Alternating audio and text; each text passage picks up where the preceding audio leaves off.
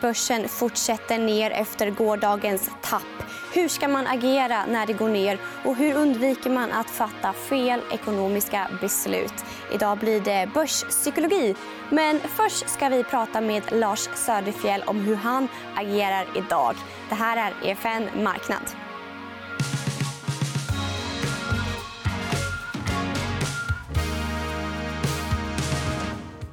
Ja, så jag lämnar direkt över till Petra Bergman som är på Ålandsbanken och pratar med Lars Söderfjell. Tack ska du ha, Matilda. Här står jag med Lars Söderfjell, aktiechef på Ålandsbanken. Lars, vad är det som händer just nu? Eh, vi gjorde ett försök att studsa lite grann uppåt i marknaderna idag men det kom av sig efter en halvtimme, 45 minuter. Så nu har det bytts till en, en liten nedgång. Eh, det är betydligt lugnare än så länge än igår och jag får känslan av att väldigt många avvaktar och ser dels så säga, hur New York öppnar eh, i eftermiddag. Terminerna visar fortfarande på en liten uppgång men den har gröpts ur lite grann. Och dels så tror jag att många fondförvaltare sitter och väntar på hur deras flödesmail kommer att se ut när det kommer i eftermiddag. Fram på eftermiddagen och veta om man har utflöden eller inflöden ur sina fonder. Så jag tror att det, vi märker att aktiviteten är ganska låg generellt sett eh, från mäklarfirmor. Vi ser ganska få både köp och säljflöden för just nu. Vad var det som hände igår egentligen? Det är ju, eh, alltså I grunden så är det en korrektion som drivs av att man hade ganska hög värdering i utgångsläget och sen så får man en ökad osäkerhet eh, kring vinsterna till följd av det här eh, coronaviruset. Och någonstans så blir belastningen lite för stor och någon bestämmer sig för att ta av risk från marknaden, alltså sälja av aktieexponering. Känslan vi hade igår var att det var allokeringsflöden som kom alltså från tillgångsallokerare och det var inte riktat mot enskilda aktier utan det var en väldigt bred nedgång överhuvudtaget. Eh, och det förstärks väl lite grann just i Sverige av att det är sportlovsvecka den här veckan i Stockholm. Många av de aktiva förvaltarna är på sportlov eh, och finns inte där. Men en rörelse på över 4 procent, det hör ju inte till vanligheterna. Varför, varför just nu egentligen? Ja, det är ju lite grann, vi skojar lite grann om att marknaden kanske också har en inkubationstid på ett, par veckor innan den. För det, man upplevde ju i slutet på förra veckan att corona i Kina började spelas ner lite grann. Eh, så kom det ett antal händelser över helgen, både med Sydkorea och Italien som blossade upp som man kanske inte riktigt hade, hade räknat med. Eh, och dessutom så händer en del saker på den politiska fronten, till exempel att Bernie Sanders vann i Nevada, vilket inte heller är så marknadsvänligt. Så att man fick en nedgång i USA, det spillde över och sen så fick man en, en stor rörelse. Och det, finns, det är inte så mycket att det finns väldigt mycket säljare att uppleva utan snarare att det är inte så mycket köpare i marknaden just nu. Eh, det finns en osäkerhet och man tycker inte det har blivit tillräckligt billigt än för att gå in och, och börja finköpa. Så ganska stor, um, låg aktivitet. Och vad var det då som såldes? Ja, det, det, vi såg igår som gick svagt det var genomgående så här, konjunkturkänsliga bolag. Och det är ju ganska logiskt tycker jag. Liksom, om marknaden är orolig för vinsterna och effekterna på ekonomin då är det konjunkturkänsligt som, som, som ska ner. Det var ju allting från verkstad till basindustri till energi. Vi såg att oljan var ner ganska kraftigt igår, studsar lite grann idag den också men inte så, så mycket i det fallet. Och det som klarade sig relativt sett bättre eh, var ju förstås konjunkturstabila bolag. Dels så här, livsmedel, läkemedel och, och så vidare. Men också så räntekänsligt. Fastigheter klarar sig till som är ganska fint i ett relativt perspektiv. Det var precis det vi såg i USA också i, i gårdagshandeln. Vad gjorde du då? Vi gjorde ganska lite. Vi, vi har ju liksom en, en bestämd stil. Vi, här, vi, tycker om kvalitetsbolag med bra lönsamhet, eh, bra kassaflöden, bra balansräkningar och hög direktavkastning. Vi gjorde en del finjusteringar av portföljerna igår. En del saker som vi tyckte fick lite för mycket stryk köpte vi och sålde lite grann som, lite annat som vi tyckte klarade sig lite för bra i det. Men det var inga stora förändringar utan vi, vi är långsiktiga investerare. Mm. Så inga förändringar i er stil alltså? Nej, det, då, då, då ska, man, ska det nog till liksom no, någonting mer än en endagskorrigering i det hela. Eller kanske no, någonting som är längre än bara några, några veckor. Eh, vi är fortfarande, liksom, och har varit ett tag, så ganska försiktigt inställda till konjunkturkänsliga bolag som vi tycker har gått väldigt bra, liksom, utan att man egentligen fått en bekräftelse på det i konjunkturen. Eh, och vi tycker då att exempelvis defensiva sektorer, konjunkturstabila sektorer eh, ser lite mer intressanta ut och har gjort så ett tag. Och förhoppningsvis så får vi väl betalt för det, eh, den synen nu liksom i den här korrektionen. Mm. I studion nu strax så ska vi prata om börspsykologi. Eh, vad tycker du är viktigt att tänka på när det går ner så här? Ja, det första är ju att, att försöka, liksom, slitet uttryck, men att hålla huvudet kallt och, och, och vara rationell i sina beslut. Det är att just inte försöka låta känslorna ta, ta övertaget. Eh, att försöka fundera på, kan jag klara av att sitta igenom en nedgång på 10 procent. Det är inte ovanligt. Vi brukar ha ett par sådana om året utan att sova dåligt på nätterna och utan att min privatekonomi eh, påverkas. Eh, det är liksom det första, liksom att ta ett steg tillbaka. Och sen så fundera på om sådana, här typer av, av, korrektioner i marknaden, om det utlöser några, några, möjligheter också. Det kanske finns aktier som jag funderar på att köpa som jag tyckte att varit för dyra eh, och kanske de kommer ner. Det är så, har de här förutsättningarna för de här bolagen för att citera Warren Buffett igår, så att har förutsättningarna för amerikanska bolag förändrats på 10 till 20 års sikt till följd av det här? Förmodligen inte. Eh, om man är av den uppfattningen så kanske det dyker upp en del möjligheter också för den långsiktiga placeringen. Mm. Bra, tack ska du ha. Och så över till dig Matilda och Kristina så får ni prata mer om det här om börspsykologi. Ja, tack så mycket Petra och varmt välkommen Kristina Salberg. Ska man hålla tack. huvudet kallt idag som Lars? Ja, jag håller ju med Lars. Mm. Eh, jag satt också igår och kände att, det liksom, att man blir nervös. Jag känner igen känslan. Jag har varit med flera gånger förut när det har gått ner. Eh, och man blir ju lite sugen på att sälja för man är så rädd att förlora pengar. Men eh, alla studier visar också på att här, är man långsiktig så är det bättre att inte hoppa in och ut och inte försöka tajma marknaden. Så, att, så att jag sitter still och håller helt med Lars. Men varför vill man eh, sälja av då? Varför följer man med? Är det, är det flockbeteendet som vi har pratat om här tidigare? Ja, absolut. Det är det. För, för, jag menar, förr i tiden, 99,9% av tiden vi har levat, mm. så gällde det att hänga med flocken. För om du gick åt andra hållet så kanske du hade en dag att överleva eller någonting, så blev det byte sen. Eh, och den känslan sitter fortfarande i oss idag. Och samma sak med förluster. Alltså nu, sitter, nu, nu, har vi många förlorat mycket pengar från igår och det känns, det gör ont. Man har till och med kunnat se i hjärnan att det är samma ställen där man har fysisk eh, smärta som berörs. Eh, och vi är mycket mycket mer rädda för att förlora saker än potentiella vinster. Så att vi reagerar eh, liksom med det här snabba tänkandet som vi har och, och gör dumma beslut. tror jag. Så att har man pengar på börsen som man ska ha där länge då tycker jag att man ska inte hålla på att gå in och ut. Och risken med det här flockbeteendet är ju att när man, när man ser att folk börjar sälja av, det går ner, det är först då, aha, nu måste jag följa efter. Och då säljer man för sent. Precis. Och samtidigt när börsen går upp, oh, nu är det många som köper, nu går aktien upp, nu ska jag också köpa. Och då kanske man har missat uppgången. Exakt, och det blir ofta så. Det är det man sätter de här studierna över tid. Så förlorar man mer pengar på att göra så här än man vinner. Den här gången kan det vara så att det går ner jättemycket och de som säljer kommer liksom kunna spara lite. Men över tid så är det inte en bra idé. Mm, och idag ska vi prata börspsykologi. Varför, varför är det här viktigt? För Det är faktiskt en gren inom finans numera. Absolut. Och det är superviktigt. För att det är faktiskt så att Verkligheten säger, all ekonomisk teori säger att vi tar alltid rationella beslut utifrån välgrundad fakta. Och Det vet vi nu det är helt fel. Mm. För att Vår hjärna är en fantastisk konstruktion. och Den är i stort sett optimal för oss som vi har levt 99% av vår tid. Inte som vi lever nu. För att Vi, vi är liksom skapta så att Överlevnad och fortplantning är det absolut viktigaste. Och då gäller det att reagera blixtsnabbt på hot och möjligheter. Och de som har lyckats med det har överlevt. och Då har det här fortsatt. Så det, här, det här systemet eller det här tänkandet vi har som är blixtsnabbt det är så mycket starkare än det rationella. Och nästan i alla våra beslut så styr känslorna. Och, eh, som du säger, jag, jag tror att framförallt nu när det är många som själv tar hand om sin ekonomi då är det ju extra viktigt att man har koll på de här sakerna eftersom att man är ansvarig själv. Ja, precis. Och de här systemen du pratar om det är faktiskt en nobelpristagare 2002 som eh, kom fram till det här, som har skrivit boken Thinking fast and slow. Precis. Som eh, vi ser här, det är Daniel Kahneman eh, som har skrivit den.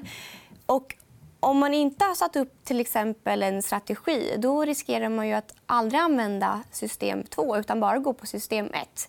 Är det vanligt? tror du? Ja, jag tror att det är väldigt vanligt. Och, och jag menar, idag i, i, i, vanliga situationer så är det fortfarande vår hjärna jättebra. För att, jag menar, om man kör bil och hoppar fram ett, ett djur framför bilen så är det jättebra att man inte börjar räkna på bromssträcka och sånt utan att man sätter direkt foten på bromsen. Så att, I de flesta fall så är det bra att vi tänker automatiskt och känslomässigt. Men man ska tänka på de här tillfällena. Så här, hur, kän, hur känns det när jag förlorar jättemycket pengar? Ja, jag kommer antagligen få jättemycket känslor och bli jättestressad och kanske sälja. Kickar system 1 in då? Eller kan du bara Ja, precis. Ja, men system 1 är det här automatiska systemet som, som står för, för över 95% av alla våra beslut. Det vill säga, vi går på känslan. Vi tar det första beslutet som dyker upp hos oss. Eh, och system 2 är det här långsamma, rationella tänkandet som man tar alla aspekter i betänkta och man liksom funderar på så här, vad betyder om jag gör så här. Man kan se på statistik alla möjliga saker. Skulle vi använda det systemet hela tiden skulle vi inte få någonting gjort. Mm. Jag tänker när du ska köpa nåt i affären. Om du skulle titta på alla varumärken, priset, innehållet, allt, det skulle inte komma därifrån.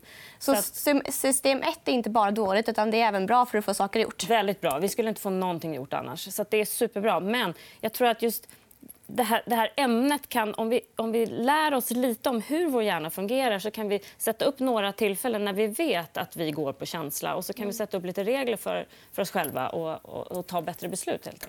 Mm, och, eh, jag skulle bara vilja tipsa om eh, Penserpodden som nyligen släppte ett eh, jätteintressant avsnitt om det här. Så Det kan man lyssna mer om. Och det finns ju mycket mer att prata om inom börspsykologi som vi ska ta oss an här under våren i studion. Men idag ska vi faktiskt börja om från början. Vi ska prata om prokrastinering och status quo bias som du har skrivit en bok om. Ja, ja, precis. Ja, för att det finns nämligen något med, med prokrastinering så är det så att vi, vi skjuter upp eh, viktiga saker trots att vi vet att det kommer att ha en negativ konsekvens i slutet. Och det är ofta så svåra saker som kräver det här system 2, kräver att vi tänker efter, kräver att vi räknar etc. Vi skjuter ofta upp det eh, mot sånt som är liksom mycket lättare. Jag märkte det när jag skrev min bok också. Mm. att det var så här, jag gick och tvättade och det hade aldrig varit så fint hemma hos mig sånt, istället för att jag då skulle liksom börja skriva på nästa kapitel för det kräver mer eh, energi. Och det kommer också från evolutionen för att vi, vi ska spara så mycket energi som möjligt så att vi är redo att, att liksom ta oss an hot och eh, möjligheter. För att tänka tar väldigt mycket energi. Så prokrastinering, det finns något som heter eh, prokrastineringsekvationen. Eh, och det är faktiskt en av anledningarna till att jag skrev min bok. också. För Det, är så här, det har visat sig att om man, om man känner till eh, känner till det man gör, om man har kunskap om det man gör och man tror att man kommer klara av det och dessutom kan se vilket värde det kan bli i slutändan. De två sakerna gör att man tar sig an saker och inte prokrastinerar. Mm. Så att jag anser att det är väldigt viktigt att vi, att vi lär folk, att folk förstår vad privatekonomi är kan lite om de olika områdena och kan också se vilken enorm utväxling man kan få om man i tid tar hand om sin ekonomi. Så jag tycker det är viktigt och det är därför jag skrev boken Fixa din privatekonomi. Och det har vi ett exempel på. Vi kan väl kolla hur det kan ja. se ut om man sparar till sina barn och om man börjar i tid. Där Just har vi en det. intressant kurva på. Så här ser det ut. Om man har då turen att få smarta föräldrar som när man föds sätter in 10 000 kronor. Eh, och, eh, det här är räknat då på börsens genomsnittliga avkastning under, eh, under många år. Då har man alltså när man går i pension eh, över 2 miljoner. Mm från 10 000. Så det är den här fantastiska ränta på ränta-effekten. man kan se på, på kurvan eh, som går upp väldigt mycket i slutet. Det är, ju längre man sparar, desto bättre eh, utväxling är det. Så att tiden är ju viktig. Att inte skjuta på det här, utan börja tidigt. Börja tidigt och kanske spara i eh, fonder som inte har alltför hög avgift. Ja. Men med det sagt så ska man ju eh, jämföra fond med fond. Självklart, så är det. Eh, däremot kan man se att det är väldigt många fonder som har höga avgifter som inte levererar bättre än fonder med låga avgifter. Så det här är ett exempel då som vi kan se att om man har en, eh, en fond, man sparar 100 000 kronor i 50 år, tror jag det här är. Japp. Eh, och då kan man se att har man en avgift på 2% under den här tiden och det här är ju då om fonderna levererar samma avkastning. Eh, då får man 2 miljoner, strax under 2 miljoner eh, i slutändan. Men har man 0,2 i avgift så får man 4 eh, miljoner. Så det är en, en enormt stor skillnad på, på tid. Avgifter också, precis samma sak som avkastning på tid. Så tiden är viktig och det är därför man inte ska prokrastinera. Man ska ta några såna här beslut tidigt. Så, så kommer man liksom inte behöva göra så mycket mer sen och spara mycket pengar. Och du har samma exempel på premiepensionen. Jag antar att det är samma logik där bakom. Ja, precis. Den är uträknad på att man, eh, man sparar under tiden då, ungefär en genomsnittlig sparare och där kan man se att en avgift eh, kan ge dig 35% lägre premiepension i slutändan. Och det är ju jättemycket pengar. Mm. Eh, så se över avgifterna. Självklart avkastning också, men, mm. men se över fonderna. Se till att de levererar bra. Mm. Men stirra dig inte blind på avgifterna. Vi pratade i fredags om det med Maria Landeborn. Och hon sa att det var en av fallgroparna att man letade efter lägst avgift. Titta gärna på det programmet också så ni får lite olika synfallsvinklar på det hela. Yes. Men eh, har vi nåt mer vi vill ta med, skicka med gästerna innan vi avslutar? Vad, har vi för, vad är till exempel status quo bias? Det har vi inte gått in på. Nej, precis. det är att vi, vi har en sån irrationell preferens för det som redan är bestämt. Eh, och det, det, vi tycker förändring är läskigt. och Det har nog att göra med förlustaversionen, det som vi idag känner eh, när vi förlorar pengar på börsen. Och det är också evolutionen. och det är så här, de brukar säga if it ain't broken, don't fix it. Och det är så här, om genom evolutionen så har varje generation har i stort sett haft samma samhälle. Och har man överlevt, så varför hitta på nåt nytt som kanske gör att man dör? Men idag så har vi inte samma samhälle. Så det kan liksom vara bra att inte eh, göra exakt samma sak hela tiden utan att man kan koppla in system 2, tänka lite och fundera kan ett byte vara bra. Eh, för vi ser till exempel att, att eh, bolån, mm. det är två av tre som aldrig har bytt bank på sitt bolån. Eh, och det trots att alla studier visar att aktiva eh, bolånetagare får bättre ränta än trogna. Eh, och där är det om man har listräntan hos sin bank och sen så jämför man det vad de nya kunderna får så sparar man ungefär 3 500 per miljon man lånar.